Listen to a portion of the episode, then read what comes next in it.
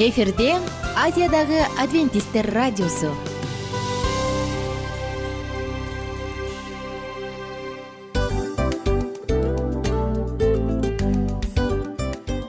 Достор салют. Баардык сүйүктүү угармандарыбызга салам айтабыз. Кутман күнүңүздөр менен. Ден соолук өмүрдүн булагы демекчи саламат саамы программасында баарыңыздарды көргөнүбүзгө абдан кубанычтабыз. Анда алгач амандашып өтөлү арбаңыздар деп. Ден соолугуңуздар кандай элибизде көбүнчө ден соолук кандай дегенде эле жакшы деп жооп беребиз э? ооруп турсак дагы жакшы дейбиз. Анан мен муну айтып ойлойт элем бул абдан сонун сөз депчи анткени бул жакшы деген үмүт да э баары жакшы болот. Баары сонун. Деп үмүттөнүп атып эле өзүбүздү өзүбүз дарылап коебуз. Анысы кандай? Сиздин дагы ден соолугуңуз жакшы беш деген үмүттөбүз чындыгында ден соолук бул өмүрдүн булагы деп бекеринен айтылган эмес деп ойлойм. Кыргыз элинде анткени эгерде ден соолук жок болсо анда адамдын жашоосунда калган баардык керектүү маңыздуу нерселер өзүнүн баалуулугун жоготуп коет. Ошондуктан ден соолук бул эң керектүү нерсе. Ооба туура айтасың кесиптешим. Чынында ден соолугуң жок бир эки үч күн ооруп калсаң эле э кандай болуп калат? Жашоодо көз каранды болуп каласың көп нерсеге жетишпей каласың көп нерсени кыла албай каласың жада калса эчке дүкөнгө да чыга албай каласың. Туптуура анан ден соолук болсо демек биз биздин бактыбыз тоодой деп койсок болот. Анда достор саламат саамы рубрикабызды баштайлы. Алдыда өзүңүзгө керектүү болгон сонун кеңештерди уга аласыздар. Мына ошондуктан биз менен бирге болуңуздар. Ал эми биз болсо милан жана айнура. Кеттик алга. Алга саламат саама ден соолуктун жарчысы. Саламат саама ден соолуктун ачкычы. Күн сайын сиз үчүн мыкты кеңештер сонун жаңылыктар кызыктуу фактылар биздин рубрикада.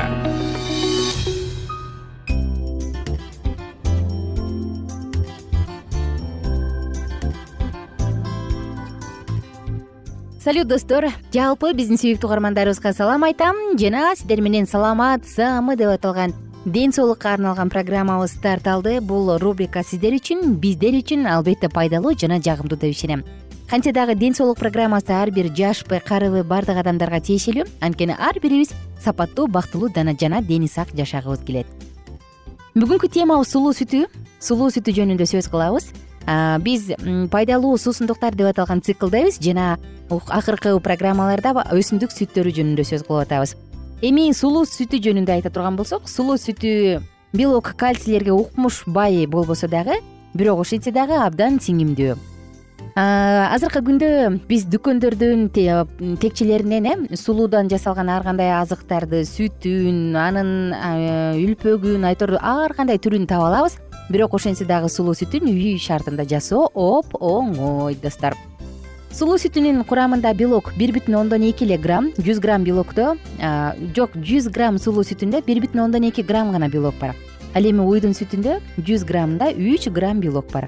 Бирок ошентсе дагы сулуу сүтү абдан жеңил сиңет жана азыктандыруучу касиети жогору.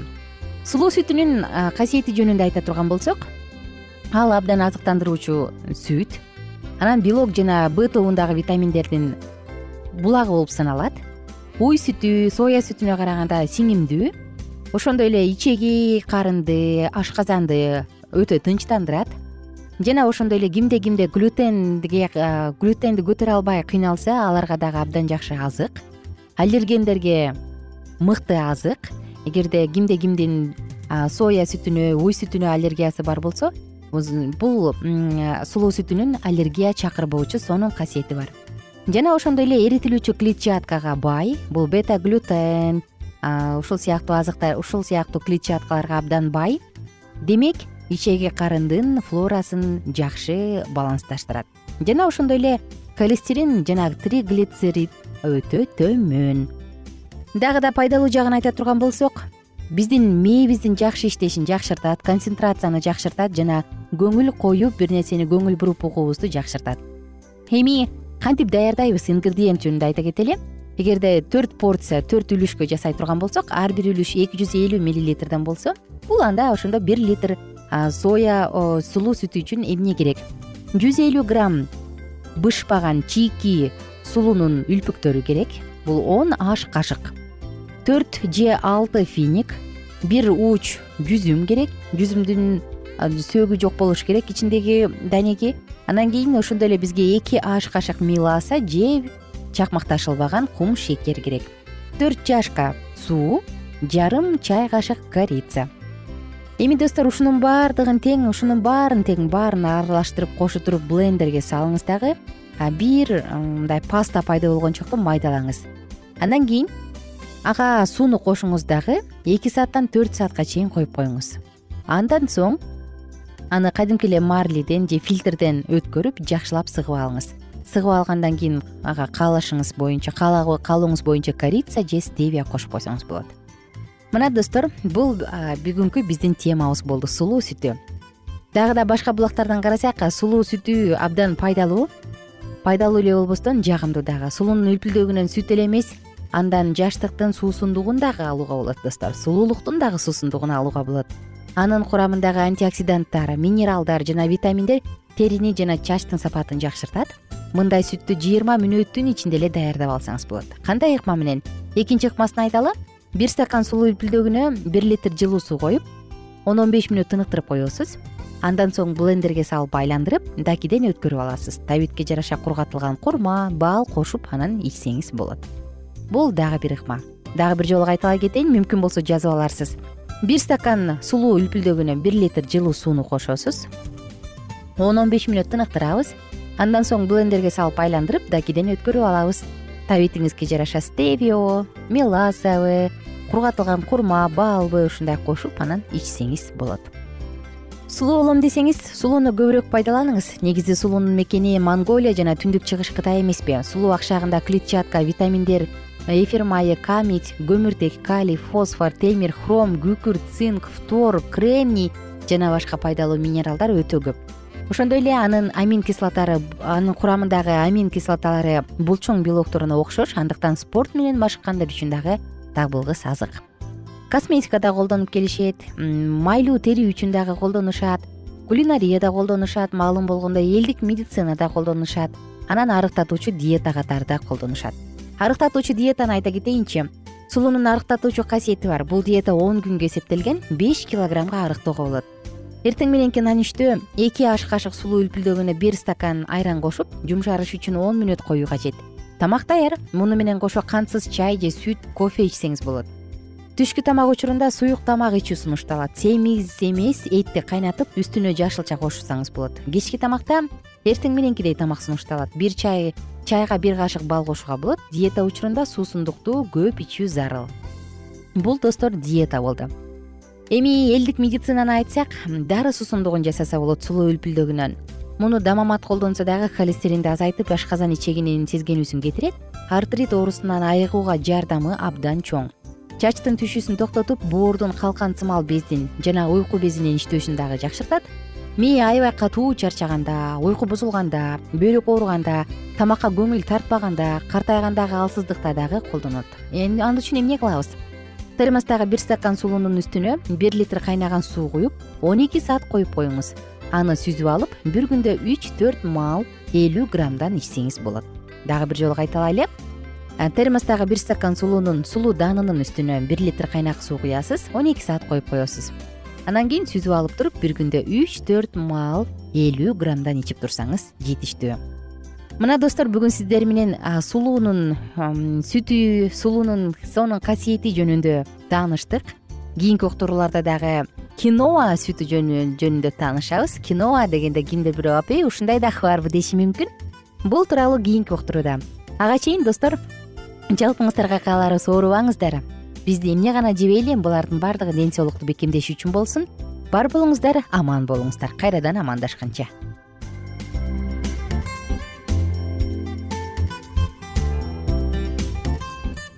Кененирээк маалыматтар үчүн үч w чекит саламат чекит клуб сайтына келип таанышыңыздар.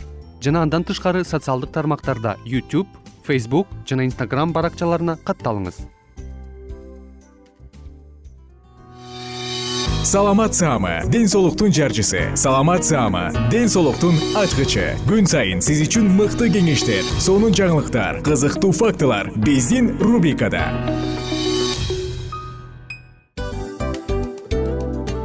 Салам достор.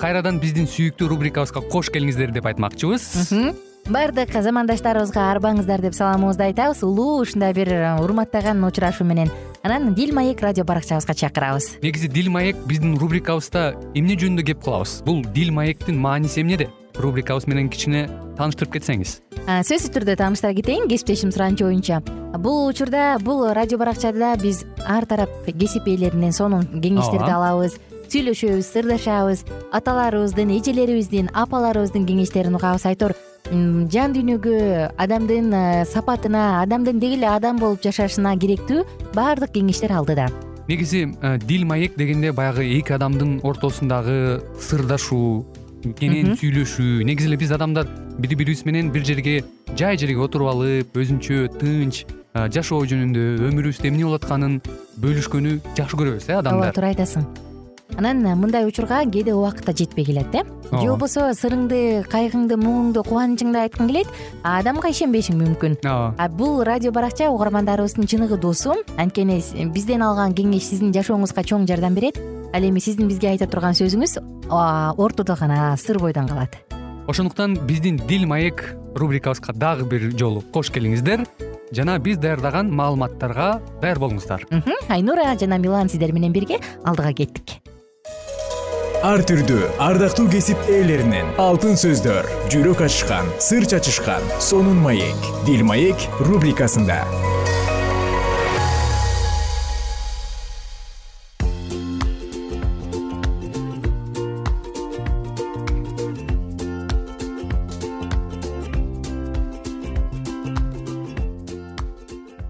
күн достор кандайсыздар угармандар жалпыңыздар менен биз кайрадан дил маек уктуруусун баштадык. Бүгүнкү темабыз эненин таасири деп аталат. Эне эне деген эң улук эне деген эң ыйык деп айтып келебиз. Бул цикл бактылуу үй бүлө деп аталып дал ушул үй бүлөнүн бактылуу болушу үчүн үй бүлөнүн бул дүйнөдө жашаганы бар экендиги бекер болбош үчүн сонун уктуруулар бекем пайдубалды курууга сонун кеңештердин баардыгы мына ушул учурда. Анда эмесе саатыбызды уланталы бүгүнкү темабыз эненин таасири. Эненин иш аракет талаасы оор басырыктуу болушу мүмкүн. Бирок анын атанын таасири менен биргелешкен таасири түбөлүк сыяктуу эле өзгөрүлбөйт. Караңыздарчы. Кудайдын күчүнөн кийинки эле күч өз мээримдүү таасирин тийгизген эненин күчү. Бул жер үстүндөгү эң жогорку күч. Ал тескери түшүнүп алуучулук менен бул жашоодо келечек түбөлүктүү өмүр үчүн жайылууда кудайдын күчүнөн кийинки эле күч эненин күчү. Караңыздарчы кандай зор айтылган сөздөр э? Бул жер үстүндөгү эң жогорку күч дейт өтө назик жердеги түйүндөр эне жана балдарды бириктирип турат. Наристе өтө чоң даярдык менен атасыныкына караганда энесинин өмүрүн жана үлгүсүн бат кабыл алат анткени аларды өтө бекем сезимдер бириктирип турат. Эненин ою жана сезими келечек тукумуна күчтүү таасирин берет. Ал аны өз балдарына берүү аркылуу эгерде ал өз акылына гана медер кыла турган болсо каңырыгы түтөгөн өзүмчүлдүккө багыттайт. Эгерде ал ажаан же алыкатуу болсо анда бул баласынын дагы мүнөзүндө көрүнүп калат. Мына ушундайча көпчүлүк адамдар оңолууга мүмкүн болгон жамандыкка болбогон жамандыкка жакындыкты табышат. Көпчүлүк ата энелерге караганда ички дүйнөнү түшүнгөн душман артык. Жалгандык энени азгырыкка алып барат. Эгерде эне ага туруштук бере албаса анда ал эне аркылуу анын балдарына дагы таасирин тийгизет. Эненин жалгыз гана үмүтү бул кудай да. Ал кудайга күч берүү жана жакшылык үчүн кайрылсын. Анан анын аракети пайдасыз калбайт. Чыдамдуулук жөнүндө сөз кылсак. Бир күндүн ичинде коопсузданган баладан чыккан кыйкырык угулат. Апа апа! дейт. Бул чакырыкка жооп берүүгө эне ар дайым үлгүрүп турушу керек э эгерде бала кыйын абалда кала турган болсо даанышман эне аны андан алып чыгарып коет. Эгерде бала бир нерсе иштеп чыккан болсо анда ал апасынын аны көрүп ал үчүн кубанаарына үмүттөнөт. Эненин жан жыргаткан кубаттуу сөздөрү баланын жүрөгүн көпкө чейин жылытат. Эне өзүнүн сүйүктүү балдарына өтө кымбат жарык жана кубаныч өзгөчө өлчөмдө куя алат ал өзүнө балдарынын жүрөгүн өтө күчтүү деңгээлде бура алгандыктан балдар үчүн эң кубанычтуу жаңылык эне менен сүйлөшүү гана боло алат. Караңыздарчы. Бирок кээ бир учурларда эненин чыдамдуулугу арзыбаган анча мынча кубулуштарда эле сыналып калат. Баланын тентек колдору тынчы жок буттары энеге өтө көп сандаган түйшүктөрдү жана кыйынчылыктарды алып келет. Ушул учурларда энеге өзүн өзү кармануу талап кылынат. Болбосо анын оозунан жаман сөздөр атырылып чыгышы мүмкүн. Эне качан ачуулуктун чегинде турганда ичинен кудайга кайрылуусу анын нервин тынчтандырып жана өзүн өзү кармануусуна күч берет. Өз кадыр баркын сездирип жан дүйнөсүн тынчытат.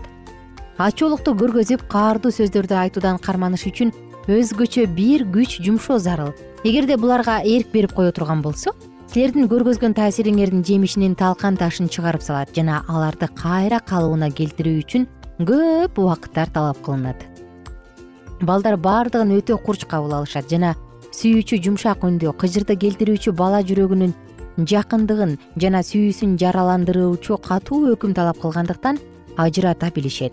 Өзүңөрдөн балдарды кыжырын келтирүүчүлүк түшүнүгүн жетишпестигинен жана сүйүүнү туура колдонбогондуктан алыстатып албагыла энелерге буларды абдан тунук айкындашы керек. Алардын көргөзгөн таасири жана үлгүлөрү өз балдарынын мүнөзүндө жана жашоосунда ортоктош болуп көрүнүп турат жана өзүнө өтө маанилүү тапшырма кабыл алышы менен өзүңөрдөгү мүнөздүн олуттуулугун чыныгы мээримдүүлүктү жана жайдарылыкты чагылдырып туруучу сапаттарын кабылдоо бул утуш эне эмгегинин чынылыгы баалуулугун айтсак кээде аялдардын өздөрү дагы өз эмгектерин өз наркы менен баалашуудан алыс э үй тиричилик милдеттери чыдамдуу күч жумшоону өзүн өзү башкарууну сылыктыкты адептүүлүктү даанышмандыкты жана курмандыкка чалынуучу сүйүүнү талап кылат жана аял киши жетишип тургандыгы менен эч убакта мактанып көтөрүлүүсү болбошу керек. Ал болгону гана үй тиричилигинде жакшынакай иреттүүлүктү колдоп турат. Кээ бир убакта чарчаңкы жана абдыраган эмне кылаары билбей калган учурларында алар өз балдарына жылуу жумшак мээримдүүлүк көргөзүүгө аракеттенишип эмне менендир аларды алаксытып аларды бактылуу кылууга жана алардын кичинекей буттарын түз жолго бурууга аракеттенишет. Ал өзү маанилүү эч нерсе кылып жаткан деле жерим жок деп ойлойт. Бирок ал андай эмес. Асман периштелери чарчаган энени жана анын күндөн күнгө алып жүргөн оор түшүгүн карап турушат. Анын аты бул дүйнөдө айтылып эстелиши мүмкүн эместир бирок ал кудуреттүү кудайдын өмүр китебинде жазылуу. Өз милдетиңерди жакшы уюштурулган үйдө эмне кылуу керек болсо ошонун баарын өз колуңар менен кемсинтилүү катары эсептебестен туруктуулукта жана кубанычта жасагыла силер кандайдыр бир башка иш маанилүү болуусу мүмкүн деген ойго келген чыгарсыңар. Бирок кудуреттүү кудай силер өз үйүңөрдү жолдошуңарды жана балдарыңарды кароосуз калтырып коюуңарды эч убакта каалабайт. Энелер балдарыңар ар кандай жаман адамдар менен баарлашып жана өз жүрөктөрүн силерге каршы катаалдантып коюшуна жол бербегиле. Булардын баардыгы аларды туура эмес жолдорго алып кетет. Балдардын алгачкы жылдары алар үчүн эмчектенүүчү жылдар бул убакытта аларды сергектикке сыйынууга үйрөтүп алардын жакшылыкка огон жактарын кубаттап туруу керек. Силер кандайдыр бир башка иштерге көп убактыңарды сарп кылуу менен силер балдарыңарды алар түбөлүк өмүргө жетүү үчүн кудай алардын кандай болуусун көргүсү келгендей тарбиялай албай каласыңар. Кудай алар үчүн кам көрүүдө силер дагы ошондой кылышыңар керек. Мына достор бүгүнкү темабыз дагы абдан баалуу эң мыкты темалардын бири болду деп ишенем энелер чындыгында болгон күч аракетибизди болгон убактыбызды балдарга жумшай турган болсок анда биз чын эле болочокто асман шаарынын бейиштин бир мүчөлөрүн тарбиялай алат экенбиз. Ошондуктан ар бир энеге кааларым жаратуучубуз сиздерге күч кубат берсин жаратуучубуз сиздерди колдосун сиздерге мол батасын берсин? А мен болсо сиздер менен коштошчу учурга келдим кийинки уктуруубузда саатыбызды кайрадан улантабыз дагы эң сонун маанилүү кеңештер менен бөлүшүш үчүн кайрадан сиздер менен бирге болобуз. Достор күнүңүздөр көңүлдүү улансын. Бар болуңуздар бай болуңуздар. Кайрадан амандашканча. Ар түрдүү ардактуу кесип ээлеринен алтын сөздөр жүрөк ачышкан сыр чачышкан сонун маек дил маек рубрикасында.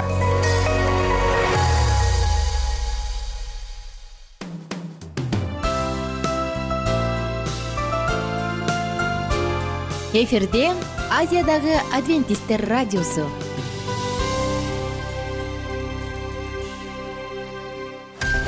Жан дүйнөңдү байыткан жүрөгүңдү азыктанткан жашооңо маңыз тартуулаган жан азык рубрикасы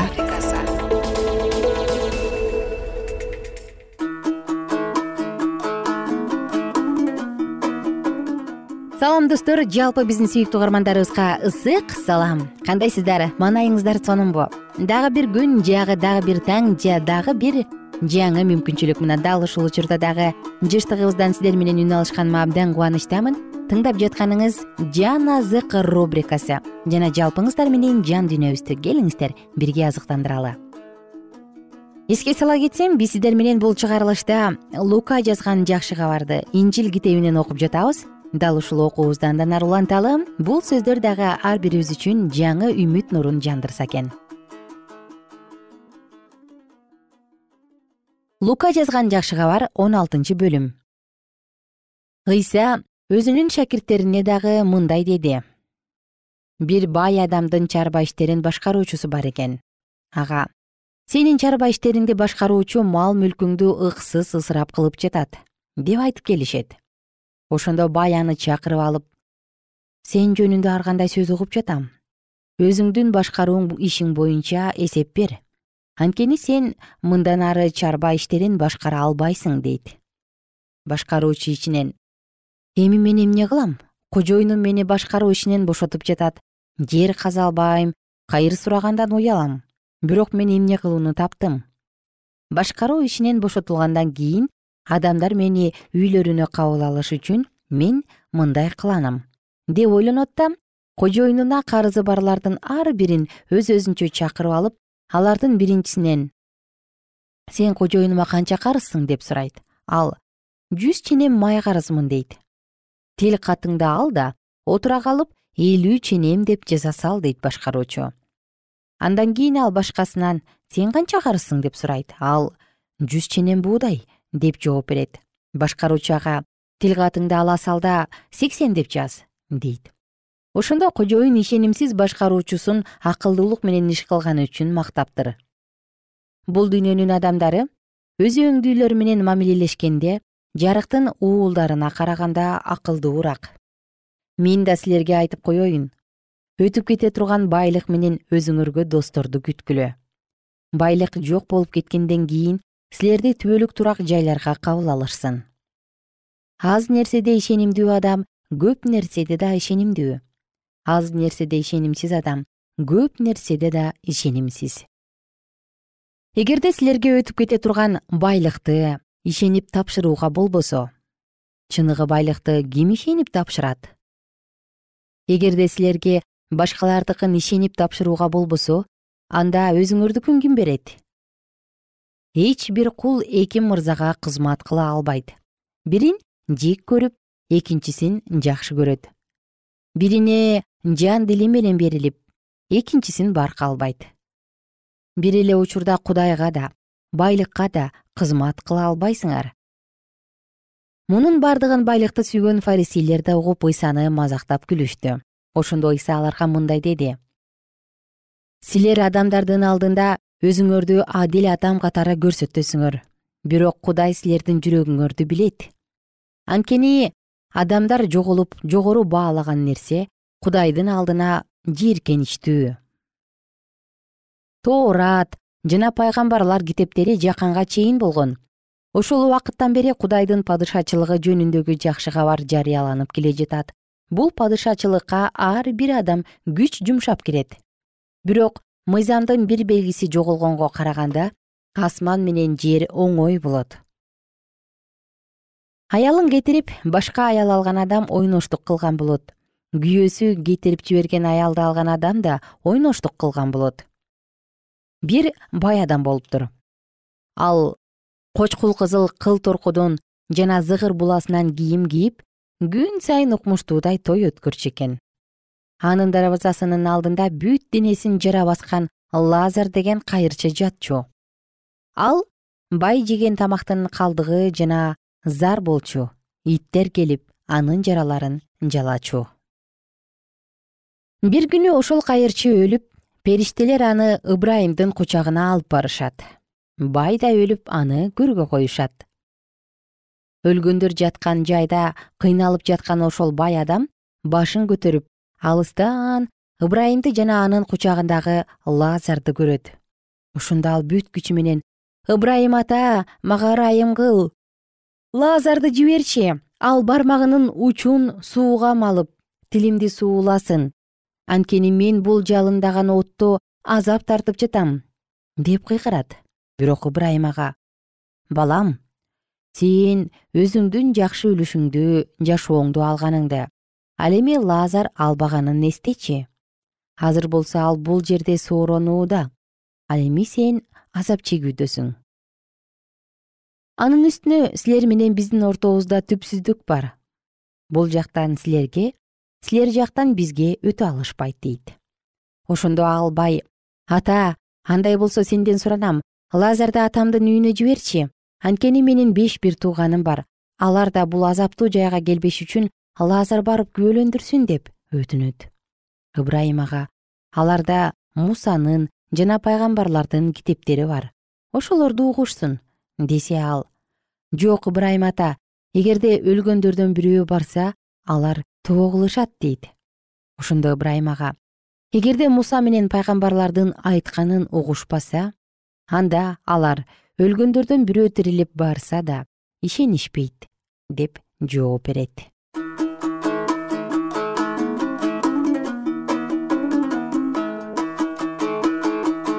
ардактуу угарманыбыз кымбаттуу достор сиздер менен бүгүн дагы биз лука жазган жакшы кабардан бир бап окуп өттүк. Он алтынчы бөлүм.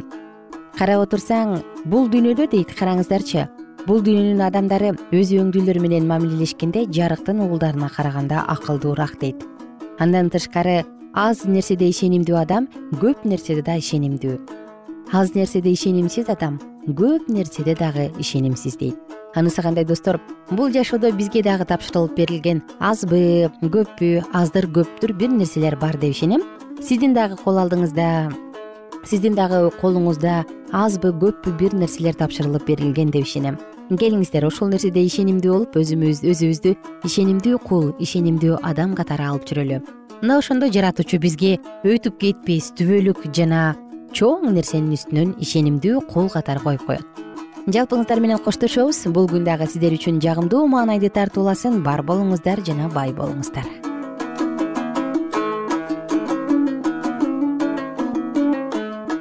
Эгер сиздерде суроолор болсо же көбүрөөк маалымат билем десеңиз анда биздин whatsapp номерибизге жазыңыз. Плюс бир үч жүз бир жети жүз алтымыш алтымыш жетимиш. Кайрадан плюс бир үч жүз бир жети жүз алтымыш алтымыш жетимиш.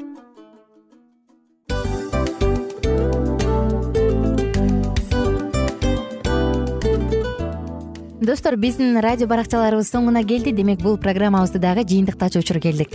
Учурга келдик. Анан кесиптешимен сурагым келип турат. Негизи эле иштин башталып атканы кубандырабы сени же жыйынтыгы кубандырабы албетте жыйынтыгы. Себеп дегенде сен кылган ишиңдин жыйынтыгын көрүп э, баягы мөмөсүн көрүп дегендей жыргайсың. Жүрөгүң жемишинен тартып э? Кандай даамдуу деп. баягы буудай сепкенде эмес буудай эгинди жыйнагандан кийин ысык нанды жегенде кадимкидей ырахаттанасың го. Ой айтпа туура айта кеттиңиз. Сонун салыштыруу болду анан мен дагы абдан кубанып турам. Анткени биз угармандарыбыз үчүн аябай эмгектенип келген уктуруубуздун соңуна келип калдык анан эми э, уктуруубуздун соңунда угармандар кандай пайда алып калды экен деп күтүп турам да. Балким э, менин жашоомо өзгөрүү киргизе турган сонун сөздөр болду.